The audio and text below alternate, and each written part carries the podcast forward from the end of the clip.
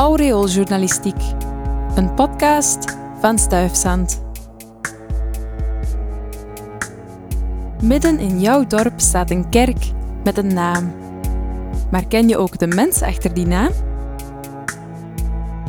Vandaag vertelt Sanne van Loveren je het verhaal van de heilige Hubertus van Luik, die in de katholieke kerk gevierd wordt op 3 november.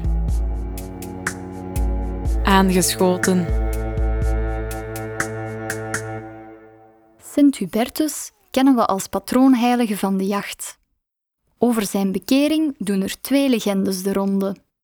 De ene zegt dat hij zich na de dood van zijn vrouw, Floribine, wou terugtrekken als kluizenaar. Als dat verhaal klopt, is hij niet in zijn opzet geslaagd, want hij eindigde uiteindelijk als bisschop van Maastricht. Het andere verhaal is een tikkeltje spectaculairder. Terwijl zijn familie op Goede Vrijdag naar de kerk ging, besloot Hubertus dat hij liever met zijn vrienden wou gaan jagen. Ze gingen dus met z'n allen het bos in. Toen zijn honden een hert spotten en de achtervolging inzetten, raakte hij even zijn groep kwijt. Plots trad er een hert uit de struiken, groot, statig en met een enorm gewei. Toen Hubertus klaar stond om het dier neer te schieten, draaide het zich om. In zijn gewei hing een kruis omgeven door een oogverblindend licht. Hubertus sprong van zijn paard en viel op zijn knieën van verbazing. Toen hoorde hij de stem van God, die hem vroeg waarom hij zijn tijd verspilde met de jacht op dieren. God droeg hem op voortaan mensen te vangen. Dat bedoelde hij natuurlijk niet letterlijk, maar hij vroeg Hubertus om zich in te zetten voor de verspreiding van het christelijk geloof. Terug thuisgekomen begaf Hubertus zich naar Maastricht, waar hij een leerling werd van de heilige Lambertus. Na de moord op Lambertus volgde Hubertus hem op als bisschop van Maastricht en verhuisde de zetel naar Luik, omdat Maastricht niet veilig was in 718. Komt het beeld van een hert met een stralend kruis in zijn gewei je bekend voor? Dan heb je misschien al eens van dichtbij naar een fles Jägermeister gekeken.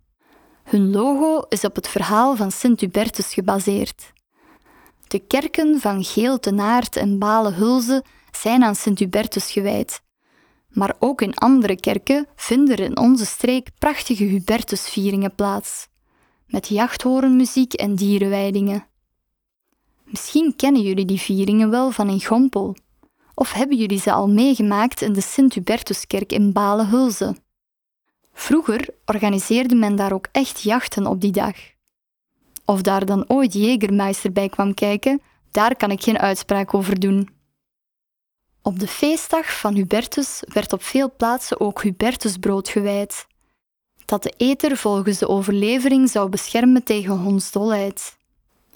Je weet nooit wanneer dat nog eens van pas komt.